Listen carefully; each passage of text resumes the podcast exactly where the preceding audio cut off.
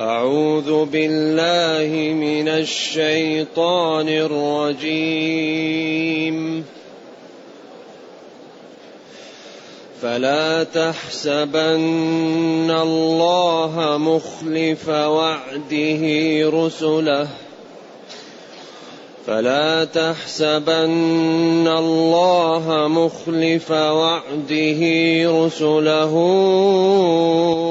إن الله عزيز ذو انتقام. يوم تبدل الأرض غير الأرض والسماوات. وبرزوا لله وبرزوا لله الواحد القهار. وترى المجرمين يومئذ مقرنين في الأصفاد. سرابيلهم من قطران وتغشى وجوههم النار ليجزي الله كل نفس ما كسبت ان الله سريع الحساب هذا بلاغ للناس ولينذروا به وليعلموا وليعلموا أنما هو إله واحد وليعلموا أنما هو إله واحد وليذكر وليذكر أولو الألباب.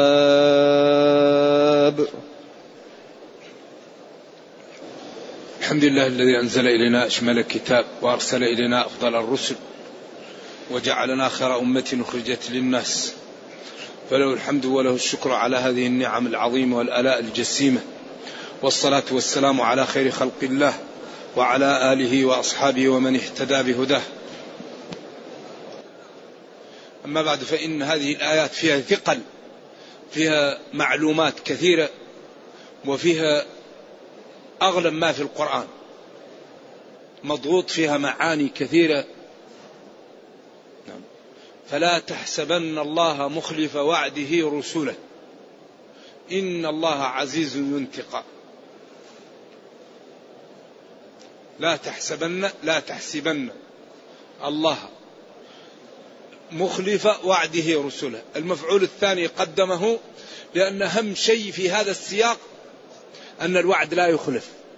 ما قال مخلف رسله وعده. قال مخلف وعده رسله لأن الطمأنينة وعدم إخلاف الوعد هذا أمر مهم وتقديم شيء مقصود في الأسلوب. وإن كان أصلا هو المفعول الثاني لتحسب.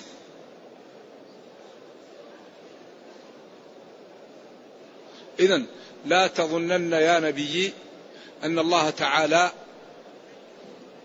يوعد خلقه شيء ولا ينفذه. الإيعاد يقال كثير للشر وقد يقال للخير والوعد أيضا يقال للخير وقد يقال لهذا. لكن أغلب ما يقال الإيعاد للشر والوعد للخير لكن كل منهم يتعاوران يأتي بدل الآخر. إذا لا تظنن الله تعالى مخلف وعده رسوله في أنه ينصرهم وفي أنه يذل أعداء الرسل. ولذلك إذا أمرت الرسل بالجهاد فلا بد أن تكون العاقبة للرسل. إذا أمر الله رسله بمجاهدة الكفار ومغالبتهم لا بد أن يغلب الرسل. لكن قد تأتي الأمم وتقتل بعض رسلها إذا لم يؤمر بماذا؟ بالجهاد غيلة. كما قتلت اليهود زكريا ويحيى قتلوهم. فأما إذا أمرت الرسل بالجهاد فلا بد أن تغلب. لأن الله قال وإن جندنا لهم الغالبون. ثم قال ومن يقاتل في سبيل الله فيقتل أو يغلب. فجعل القتل قسيم للغلبة وهو قال وإن جندنا لهم الغالبون. أما ما استدل به بعض العلماء في قوله وكأي من نبي قتل معه ربيون. هذا أعم من محل استدلال ف, ف لأن في قراءة قاتل معه ربيون والقراءة الأخرى قتل معه ربيون. فهنا الاستدلال القتل أعم من محل الجهاد. لأنه قد يكون قتل غيلة وقد يكون قتل في مواقع المعارك وبين أن المعارك لا يغلب فيها الرسل فتبين أن المحل أعم من هذا ولا يعترض بالآية على أن الله قال وإن جندنا لهم الغالبون. ولا تأتي الغلبة للمسلمين إلا إذا لم يقوموا بما أمروا به. أي مشكلة تأتي للمسلمين من عدم القيام بما طلب منهم. أما إذا قام المسلمون بما أمروا به وقاموا بالأسباب فحتما ينصروا. ولذلك الله يقول أوفوا بعهدي أوفي بعهدكم. ويقول جل وعلا إن الله لا يخلف الميعاد. إذا فلا تظنن يا نبيي ولا تحسبن ولا تعتقدن أن الله تعالى مخلف وعده رسله يقول أخلف في الوعد إذا لم يقم به. فالله تعالى وعد الرسل بالنصر ووعد المكذبين إيش؟ بالعقوبة وبالذل وبالخسارة.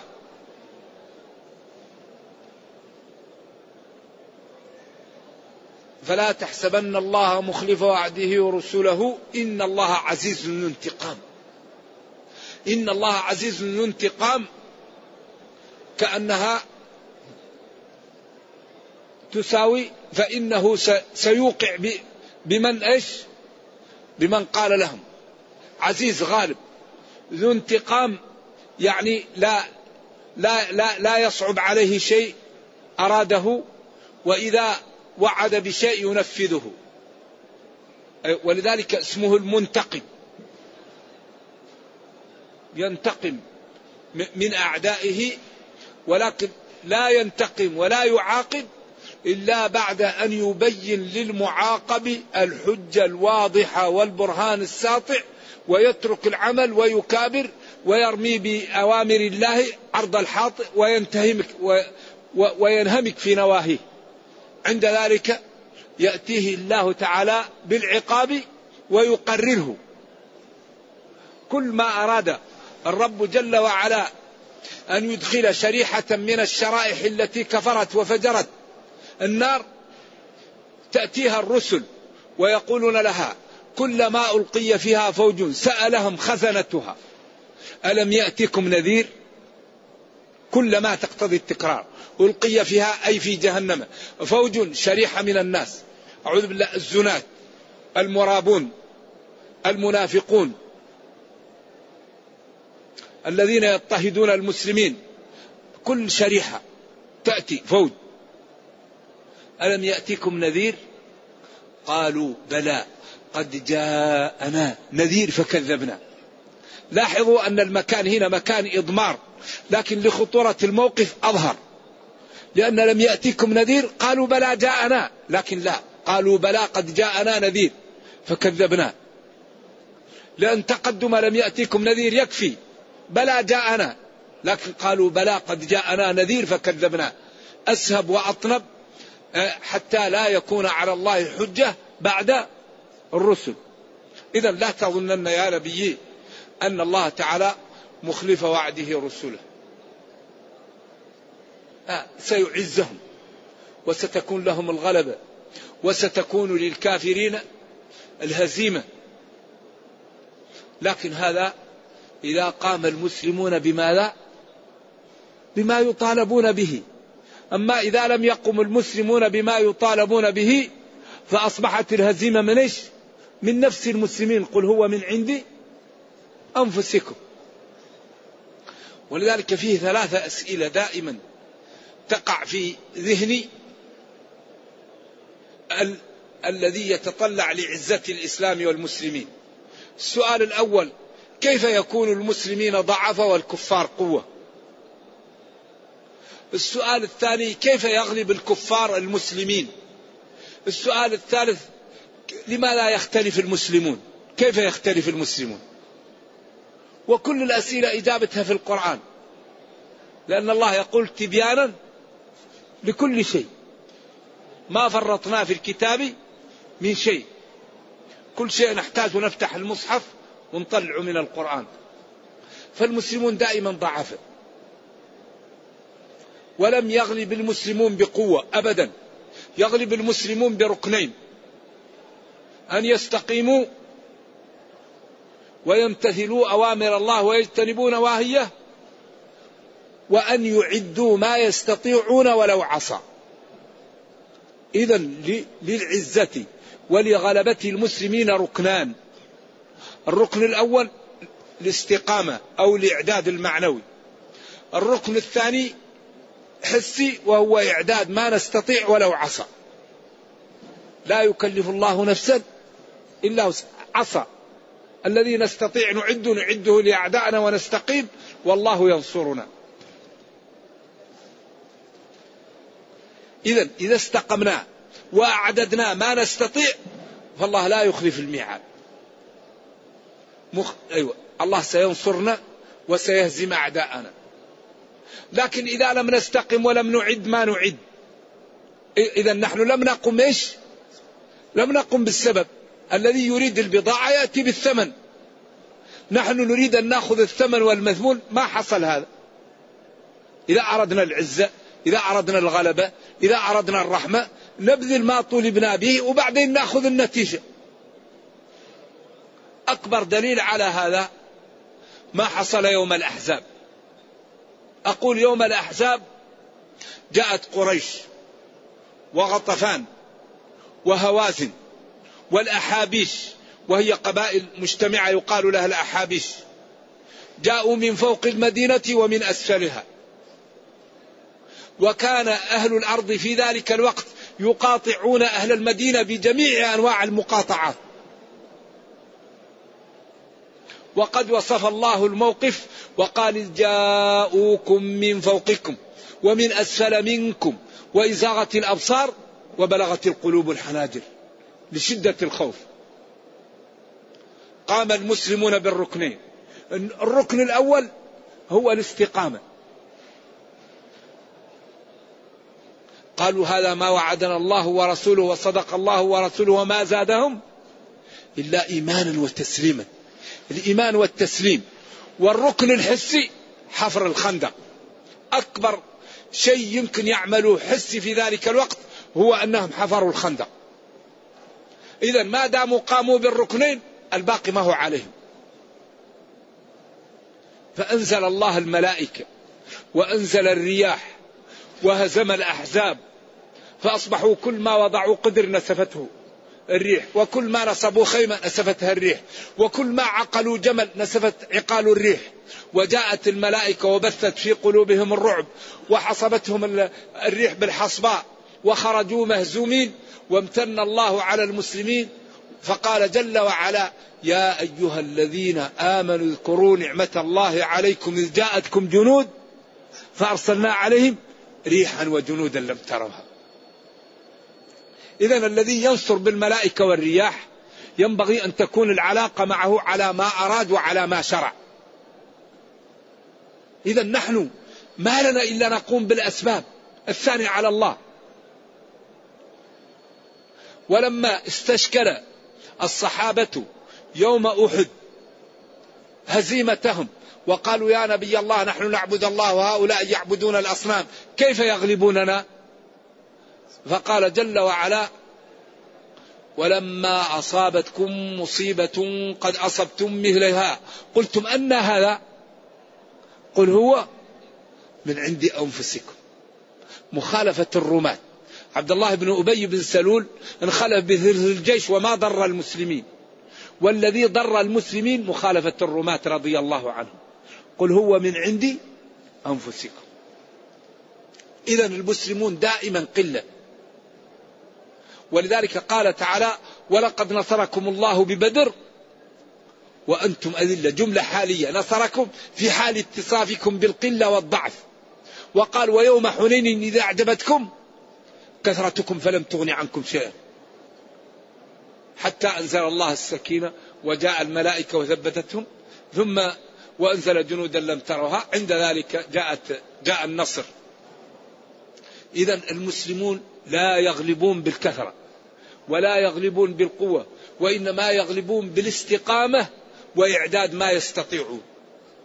يستقيمون. يتركون المعاصي. يتركون المخالفة. هذا أقوى قوة للمسلمين. عمر كان إذا شيع الجيش يقول والله لا أخاف عليكم من عدوكم وإنما أخاف عليكم من ذنوبكم. الذنوب الذنوب. تميت القلوب وهي التي تسبب المشاكل. النقطة الثانية كيف يغلب الكفار المسلمون بالمخالفة؟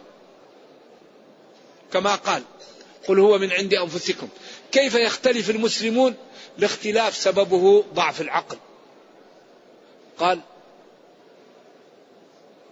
تحسبهم جميعا وقلوبهم شتى ذلك بأنهم قوم لا يعقلون. الخلاف سببه ضعف العقل لأن الناس إذا قويت عقولها لا يختلفون لأن كل مشكلة أكبر منها الخلاف. لكن إذا ضعف العقل عند ذلك كل واحد يريد أن يأخذ كل شيء ويأتي الخلاف فيضعف الجميع. ذلك لا يوجد شيء أضر على الأمم ولا على الأفراد ولا على المجتمعات من الخلاف. ولا تنازعوا فتفشلوا. و و وكررنا في هذه الدروس المباركة أن الاتفاق لا يكون إلا بماذا؟ بالتنازل. أحسنت بالتنازل. لك مصالح ولو مصالح كل واحد يترك جزء من مصالحه لأخيه ويأتي بين إيش؟ الاتفاق. لذلك مدح النبي صلى الله عليه وسلم الحسن بن علي لأنه أصلح بين فئتين عظيمتين من المسلمين. قال إن ابني هذا سيد وأنهى مشكلة. لا إذا كنت أنت وأبوك أو أنت وأخوك أو أنت وعمك بينكم مال إذا لم يتنازل واحد لازم تتضاربون. لكن إذا تنازل واحد انتهت المشكلة. ولذلك يندر واحد يموت وعنده ثروة إلا تجد أبناءه عند المحكمة إلا نادر جدا. لأن كل واحد يريد حقه كاملا فيقع؟ التضاد. لكن إذا تنازل كل واحد انتهت المشكلة. إذا فلا تحسبن يا نبي أن الله جل وعلا مخلف وعده رسله سينصرهم سيعزهم سيجعل الغلب لهم سيهزم أعداءهم ويذلهم. آجل أم آجل؟ إن الله عزيز غالب. ذو انتقام صاحب نقمة ممن عصاه وكفر به. يوم تبدل الأرض غير الأرض والسماوات. اذكر. أو ذو انتقام صاحب انتقام وصاحب أخذ. من أخذ جريرة يوم تبدل الأرض غير الأرض يوم القيامة. ولذلك يملي ويعطي ويمد. فإذا جاء القيامة كل واحد يأخذ حقه.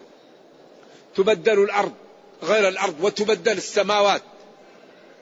فالأرض لا يبقى فيها همس والجبال تذوب تكون مثل العهن المنفوش والسماء تتشقق والبحار تتفجر.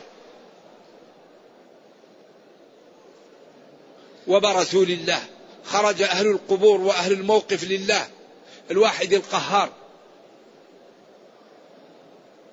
في ذلك اليوم ياخذ الانسان المستقيم نتيجه استقامته ويأخذ الإنسان المجرم ثمرة إجرامه. إن الله عزيز ذو انتقام يوم تبدل الأرض غير الأرض والسماوات. تبست الجبال بس وكانت كالعهن المنفوش وتشقق السماء بالغمام وتفجر الأرض البحار ويتغير الأمور وكل واحد نفسي نفسي. لا تسمع إلا همسا. والناس عراة. والله أعلم بهذا الموقف. وكل واحد يا نفسي نفسي عند ذلك الوقت كل واحد يأخذ جزاؤه. وترى المجرمين جمع مجرم. والإجرام أكثر ما يقال في القرآن للكفر.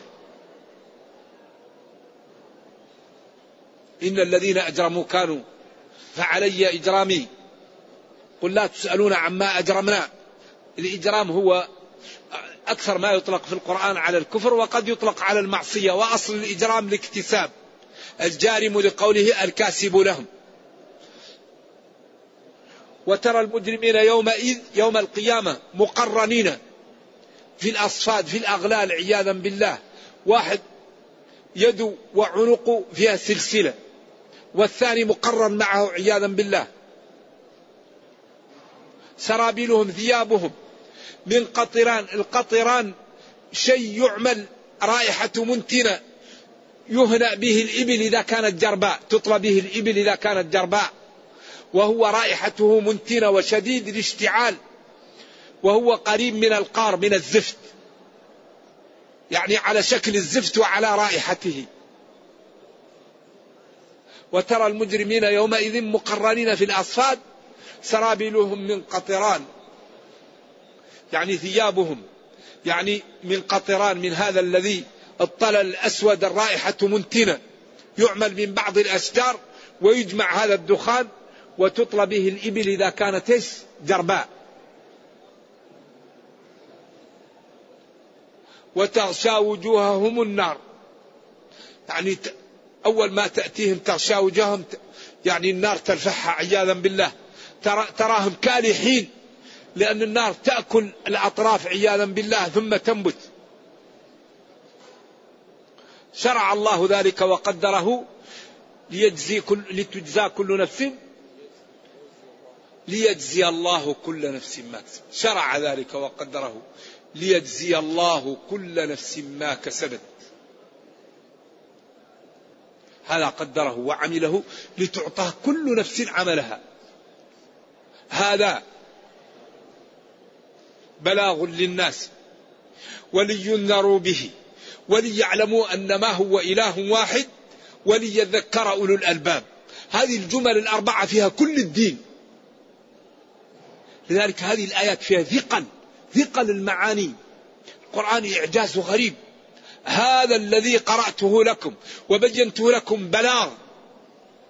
إخبار وبيان في غاية البلاغة وفي غاية الإيصال وفي غاية الوضوح للناس للجميع.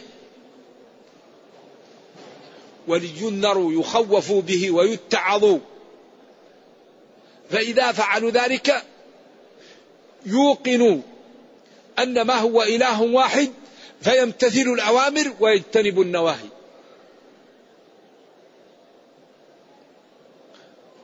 ولينتفع بهذا. أصحاب العقول النيرة وأصحاب الهداية من عند الله كما تعالى كما قال فبشر عبادي الذين يستمعون القول فيتبعون أحسنه أولئك الذين هداهم الله وأولئك هم أولو الألباب. هذه الجمل الأربعة فيها الشريعة.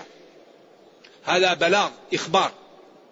فيه لأن البلاغ فيه بيان الإيمان والإسلام وبيان الأحكام وبيان الشريعة لينذروا فيه تخويف ترغيب وترهيب وبيان مآل المجرمين وبيان مآل المتقين.